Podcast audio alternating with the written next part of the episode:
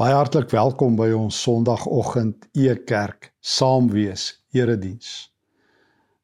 Ons is altyd as gelowiges saam, selfs al doen ons dit digitaal. Ek hoor baie mense sê dat ware kerk gebeur slegs in erediens op Sondag. Natuurlik is eredienste op Sondag waar gelowiges saamkom onontbeerlik. Maar net so is die Here daar waar 2 of 3 in sy naam aanwesig is. Ek sien nou die dag hoe iemand vir my sê of iemand skrywe dat 'n mens kan die Here eintlik net aanbid saam met 'n kamer vol ander gelowiges en daarom moet ons Sondag in die kerk wees. En toe onthou ek sommer in dieselfde asem van ehm um, Paulus en Silas wat twee persone in 'n tronk was en hulle kon die Here aanbid. So hier is ons en ons is 2 en 3 en dalk is daar 'n paar mense in jou nabyheid en ons dien die Here. En daarom verwelkom ons die Here want hy is digitaal en hy is op elke plek. Here, wil U ook hier wees waar ons digitale familie saam vergader. Here, gee dat ook ons lewens diep aangeraak sal word deur U woord. Amen. Bly stil oor Jesus. Jy het nog nie eintlik so iets gehoor in 'n preek nie, vermoed ek. Die teendeel hoor ons gewoonlik praat oor die Here Jesus. En tog, tog in die Markus Evangelie word daar meer kere gesê bly stil deur niemand minders nie as Jesus self.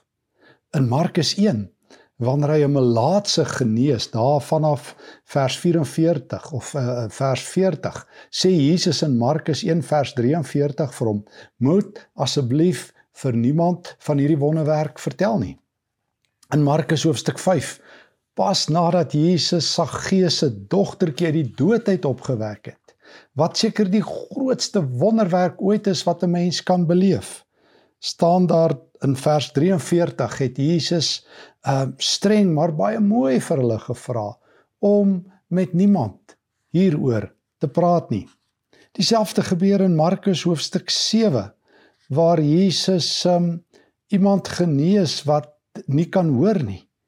En dan lees ek in Markus 7 vers 36, Jesus het die mense wat gesien het hoe Jesus hierdie doofstom man genees, mooi maar ernstig gevra om nie oor hierdie wonderwerk te praat nie. Hoe meer hy vir hulle gevra het om niks te sê nie, hoe meer het hulle oral en vir almal vertel. Hulle het eenvoudig oorgeloop van opgewondenheid en bewondering oor wat hulle gesien het. Jesus vra bly stil en die mense praat. Lyk vir my die dinge het in ons dag omgedraai. Uh ons moedig mekaar aan, praat, maar ons bly stil. Maar hoekom sou Jesus vir mense gesê het bly stil? Hoekom is daar meer swyg opdragte in die Markus Evangelie met name as praat opdragte? Dit herinner my miskien aan 'n uh, aan 'n 'n vriend van my, Amerikaanse vriend Jim Henderson, wat 'n paar boeke geskryf het oor evangelisasie en 'n pragtige boek geskryf het oor hoe om gesprek te hê en 'n verhouding te leef ook met ateëste. Jy kan miskien sy boek lees Jim and Casper Go to Church en Jim and Casper in Conversation en sy boeke oor evangelisasie. In elk geval, Jim het vertel hy was 'n evangelisasie drop-out Hy het dit nie reg gekry nie. Hy het gesukkel. Sy gemeente het gesukkel.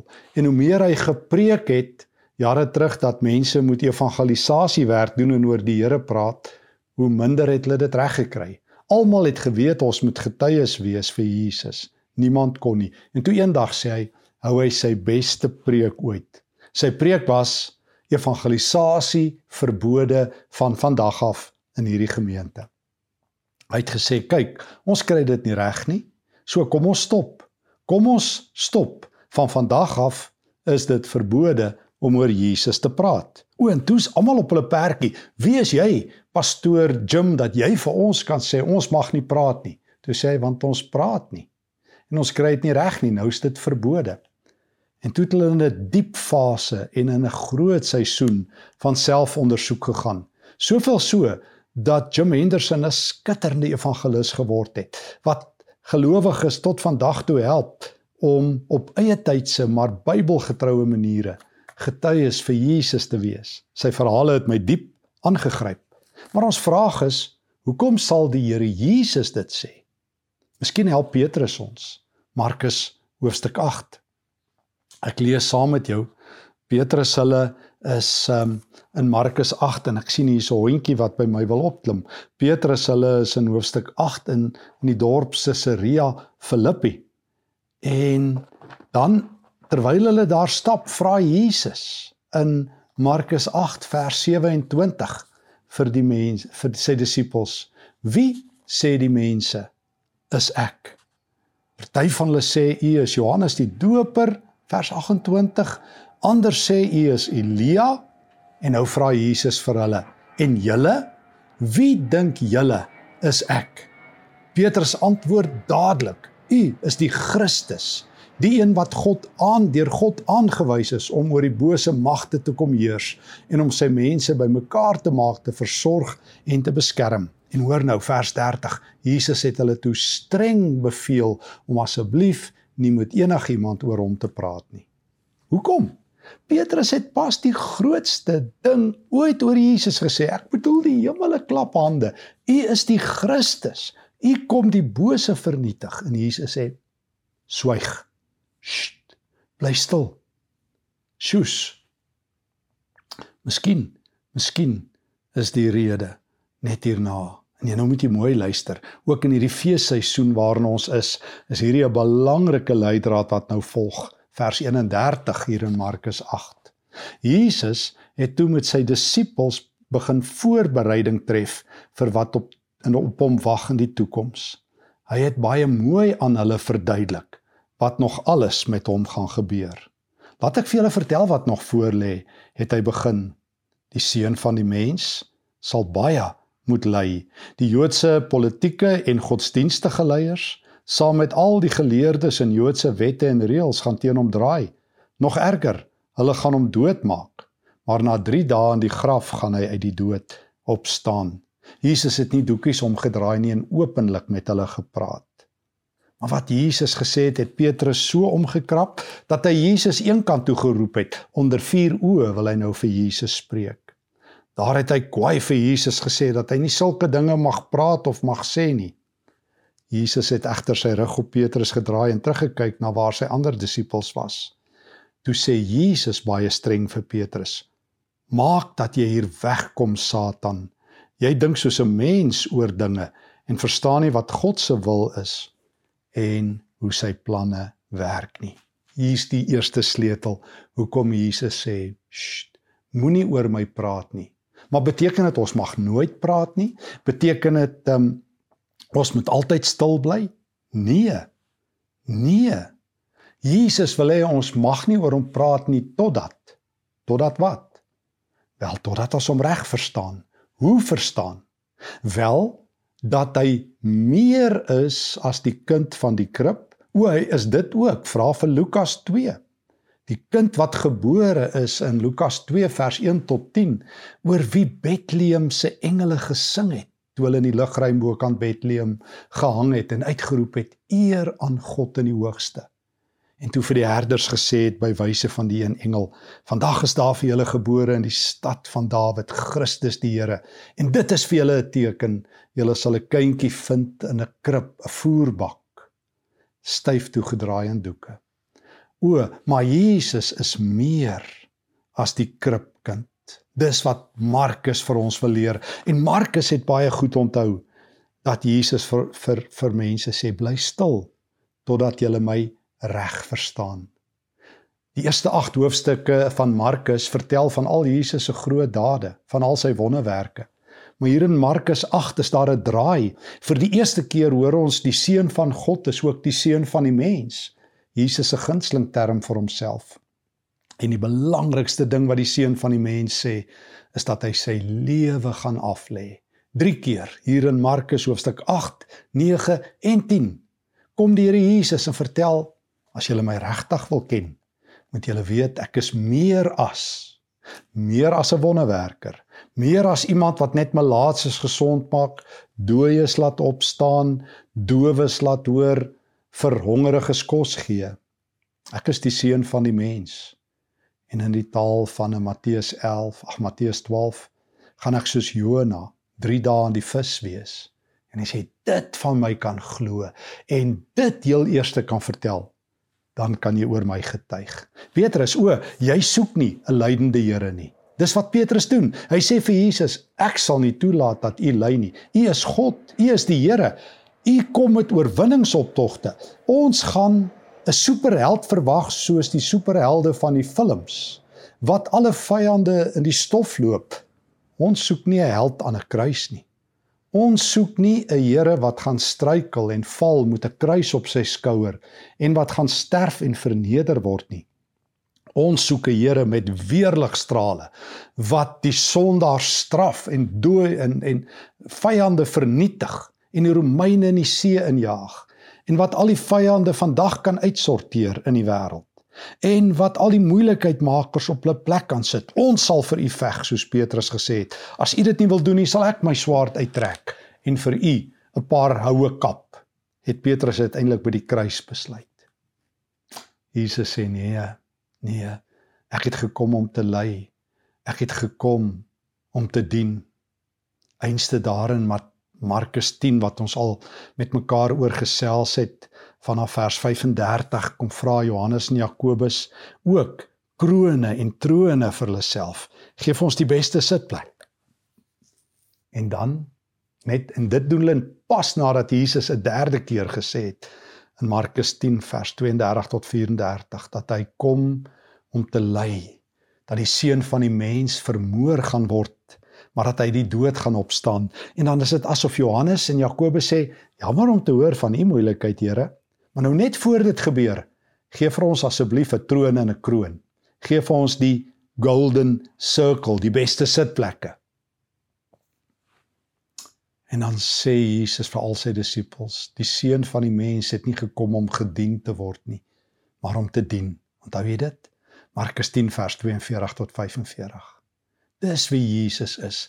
En totdat jy nie weet Jesus is in die eerste plek, die dienskneg uit die hemel, die seun van die mens, ja, die seun van God, ja, God self, maar die seun van die mens wat kom ly vir ons sondes nie wat sy lewe kom prysgee nie totdat jy en ek nie sy kruis dra soos Jesus net hierna vir Petrus hulle sê Markus 8 vers 34 nie as julle nie my kruis dra nie kan julle my nie volg nie as julle nie my kruis dra nie as iemand agter my wil aanstap vers 34 sal hy of sy dit wat belangrik is moet verruil vir dit wat ek wil hê en wat vir my belangrik is. Net so sal jy 'n kruis moet dra want jy gaan jou lewe verloor, verloor dit vir my. Totdat jy nie dit oor Jesus kan getuig en bely en sê nie, totdat jy en ek nie self 'n kruis dra nie, totdat ons nie besef Jesus is nie maar net 'n wonderwerker uit die hemel nie, totdat ons 'n einde roep aan al hierdie kunsmatige godsdiens en al hierdie televisieprogramme wat die heeltyd net sê claim your miracle en en bring die siekes en Jesus is maar net 'n wonderwerker nie net lank genoeg glo nie. Jesus weier Onthou jy onthou jy Matteus 12 toe die skrifgeleerdes en die fariseërs gekom het en gesê het doen gou vir ons 'n wonderwerk toe het Jesus ook vir hulle gesê geen wonderwerk sal aan julle gegee word nie behalwe die teken van Jona verskoon die vliegtye hier bokant my. Net soos Jona 3 dae en 3 nagte in die vis was, so sal die seun van die mens in die vis wees. Dit is my grootste wonderwerk dat ek my lewe vir julle gaan gee. 'n Houtkruis gaan wys wie ek regtig is. O, 'n krib is maar net die begin. Kersfees is net die opening salvo. Die krib in Bethlehem waar ek as 'n nederige kindjie lê. Vertel wie ek is. Ek kom vir herders. Ek kom vir die mense op die rand van die samelewing. Ek kom vir Matteus 1 se se sterrekykers. O en die rodese van hierdie wêreld gaan my doodmaak. En almal wat wonderwerke wil hê sal vir 'n rukkie my volg, my bewonderaarsklub wat ek nie gestig het nie. Sal my volg solank daar 'n wonderwerk is. Maar die dag as ek nie meer vir hulle brood uit die hemel gee nie, soos daar in Johannes 6 in Kapernaum wanneer die skare my afdreig nadat ek nie 'n tweede keer vir wil brood gee nie my afdreig en sê Moses het elke dag brood gegee en ek vir hulle gesê het ek gee ware brood uit die hemel Julle sal my liggaam moet eet en my bloed moet drink en toe loop almal weg. Want mense soek nie 'n Messias wat ly nie. Mense wil net 'n 'n 'n troon en 'n kroon hê, nie 'n kruis en 'n lydingsbeker nie. En soos wat ons altyd vir mekaar sê, Jesus se roete, eers 'n kruis, dan 'n kroon, eers 'n beker, dan 'n troon, nooit andersom nie. Eers 'n kruis, dan 'n kroon, eers 'n beker, dan 'n troon. En totdat jy en ek nie 'n kruis dra en Jesus se lyding deelagtig is nie en in die taal van 2 Korintiërs 4 die dood van Jesus saamdra nie en bereid is om die lydingslewe van Jesus agterna te lewe en onsself oor en oor te verloor vir hom nie. Wil Jesus nie hê ons moet oor hom praat nie. Petrus tot dan. Ehm um, melaatse tot dan totdat jy my hart verstaan. Jy het nou my wonderwerk beleef, prys die Here. Maar ek wil hê jy moet weet ek is meer as die magtige seun van God. Ek is ook die lydende seun van die mens. En en doofstomme van Markus 7 wie se ore nou oop is. Jy en almal wat dit gesien het, prys nou die Here, dis wonderlik. Maar moet my nie verwar met met 'n wonderwerker nie. Want op 'n dag dan gaan jy dalk weer siek word en sê nou dan is daar nie 'n wonderwerk nie en dan op 'n dag gaan jy dalk in die tronk bly soos Paulus en dan is daar nie 'n engel wat nog 'n keer die tronk kom oopsluit nie en dan op 'n dag gaan jy vir die hoeveelste keer bid en die kanker gaan nie weggaan nie en dan Sal jy my dan nog vertrou? Sal jy in my glo al is die pad styl? Sal jy in my glo selfs al is die nuwe jaar wat op jou wag en Kersgety wat op jou wag, toe nie 'n geseënde Kersfees in wêreldse terme en 'n voorspoedige nuwe jaar in menslike terme nie. Sal jy my kruis dra? Dan kan jy oor my praat. Markus 9 sê dieselfde. Markus 8 leer my hoekom Jesus sê bly stil. Want Petrus, toe Jesus vir hom sê ek kom om te ly, het hom eenkant gevat en gesê stop dit. Ons soek 'n suksesvolle Messias. En Jesus sê dis wat die duiwel maak. Die duiwel wil jou wys maak dat die Messias net 'n wonderwerker is. Die duiwel soek nie 'n lydende Messias nie, want dit verongeluk sy koninkryk. In Markus 9 gebeur dieselfde. Jesus is op die berg, jy onthou dit, die berg van verheerliking soos ons dit noem. Ek lees in Markus 9 vers 2 hoe dat Petrus en Jakobus en Johannes saam met Jesus teen 'n hoë berg is. Hulle was heeltemal alleen. Toe gebeur iets vreemds. Jesus lyk skielik baie anders as gewoonlik. Sy klere het begin blink en helder wit geword.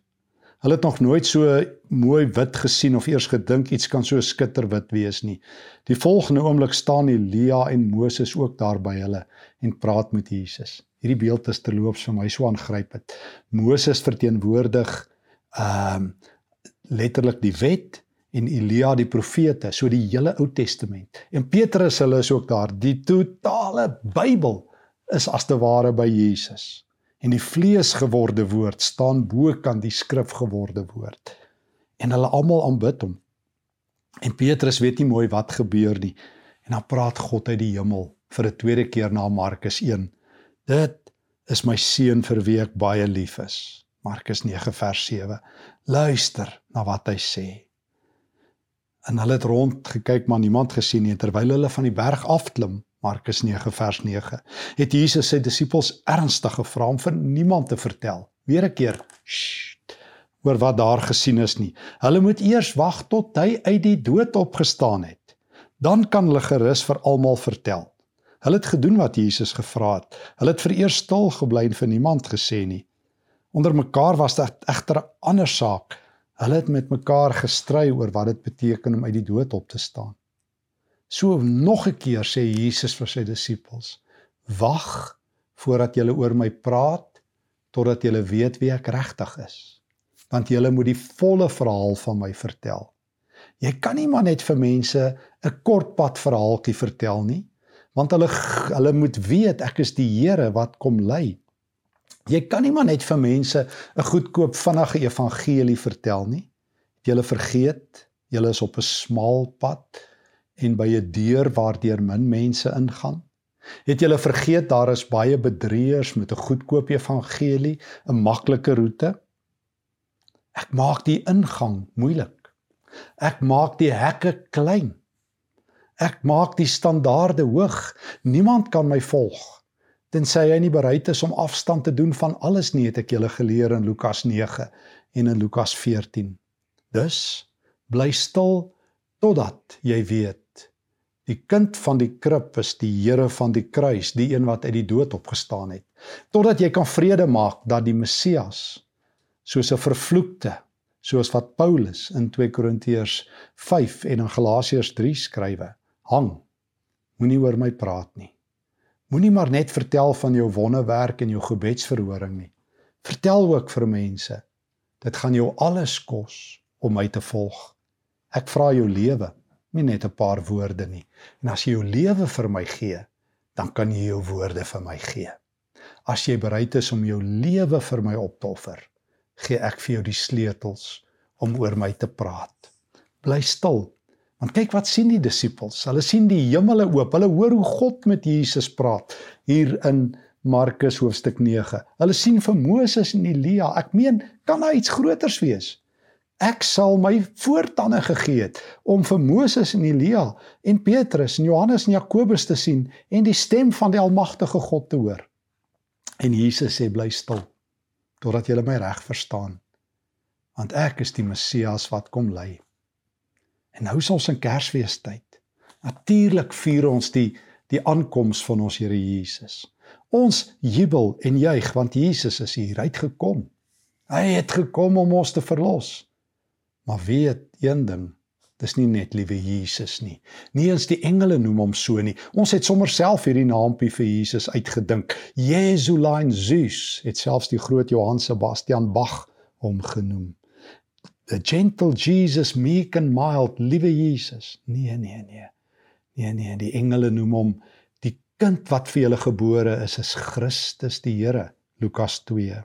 En Jesus sê hy's die seun van God maar hy is ook die seun van die mens wat kom lei. So vier Kersfees, wees bly Jesus het gekom. Maar maak seker jy weet genoeg oor Jesus. Weet dat jy sy kruis dra voordat jy oor hom begin praat. Sorg dat jy die prys betaal en dan asseblief as jy weet Jesus is die Here wat vir jou gesterf het en opgestaan het. As jy bereid is om oor sy lyding te praat, en op sy lydingspad te loop, praat dan oor hom. Want dan gaan jou lewe harder praat. Dan gaan jou eerste getuienis wees en dit het Jim Henderson ook geleer. En dit leer die kerk deur al die eeue, dan word jou lewe 'n lewende brief.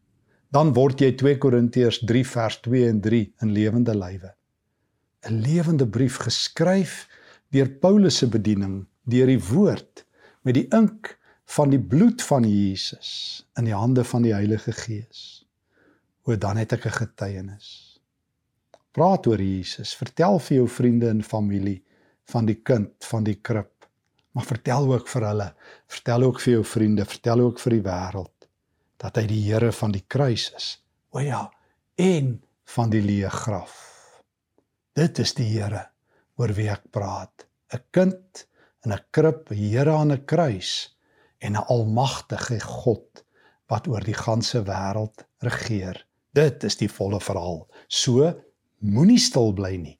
Praat, praat met jou lewe, praat groot oor Jesus, praat oor die Here wat alles kom verander het. En Kersfees sal anderster wees. Maar waarsku mense wat goedkoop oor Jesus praat, so een keer 'n jaar 'n kniebuiging in sy rigting maak, hier in Kerstyd so 'n paar romantiese trane pink oor hom is nie goed genoeg nie. Bly liewer stil. Praat oor die Here van die kruis. Ek sluit af. Ek 'n paar jaar gelede toe ek in Holland by die universiteit moes werk vir 'n ruk, moes ek by 'n Hollandse kerk praat een keer. En hulle vra my, "Wat dink jy is fout met die kerk in Holland?" En ek sê, "Ag ouens, laat ek nie daaroor praat nie. Ek's nou nie so 'n kenner van Holland om vir julle te sê nie." Maar hulle sê vir my, "Maar maar sê tog vir ons, wat neem jy waar dat ons kerk so dikwels op so baie plekke oor die mure is. Toe sê ek, weet julle wat? Ek dink julle het Jesus mak gemaak. Julle het hom getem. Julle het hom in 'n krib vasgekeer. Meeste van julle kom een keer 'n jaar en het 'n vroom oombliekie saam met Jesus en dan pak julle hom in al die ornamente weg saam met Swarte Piet en Sinterklaas tot volgende Kersfees. Julle kan 'n jaar lank sonder Jesus klaarkom sonder dat dit julle lewens raak. En dit is wat Jesus vir Petrus sê. Petrus, gaan weg agter my as jy dink ek het 'n maklike roete. Ek is 'n ligte Jesus. Ek is 'n Kersfees Jesus. Ek is 'n voel goed Jesus. Ek is 'n Jesus wat daar is as jy my nodig het en die res van die tyd vergeet jy my. Ek is 'n noodwiel Jesus, man, tussen ry jy op jou ander wiele. Ek is um die Jesus wat um, net daar moet wees as jy my nodig het, Jesus. Nee, nee, nee, nee. Ek is Christus die Here, die seun van die mens. Die die kind van die krib wat gekom het om te ly. Dit is die Jesus wat jy en ek moet volg. Kom ons bid dat hy ons sal help sodat ons reg sal glo en reg sal praat. Leer my Here om reg te praat omdat ek die reg verstaan en die reg ken. Sit die kruis op my skouers sodat ek ook in Kerstyd 'n hart sal hê vir U, 'n hart sal hê vir ander mense en reg sal praat oor U in Jesus se naam. Amen.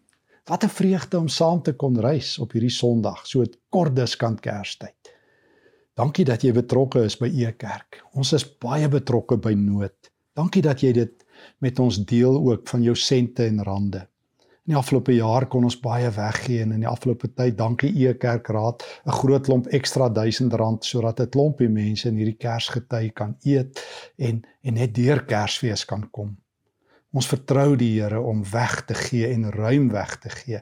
En ons sal volgende jaar nog meer met mekaar daaroor praat want um, ons wil dit nog meer gefokus doen. Want ons glo dis die hart van ons Here om te deel en ons moet onsself deel en ons geld deel. So ons glo regtig dat e kerk is nie net digitaal nie, maar dit raak grond. En jy sien dit elke keer in die video's oor die noodprogramme. Daarom baie dankie. Jou rande maak regtig dat 'n paar mense boonbehalwe die normale noodprogramme in hierdie tyd ekstra kan eet. R70000 kon in hierdie weke ekstra weggegee gewees het. Ek prys die Here tot sy eer. En nou hê 'n goeie dag, hê 'n goeie Kerstyd. Praat oor die Here omdat jy weet om dit reg te doen. Vrede vir jou.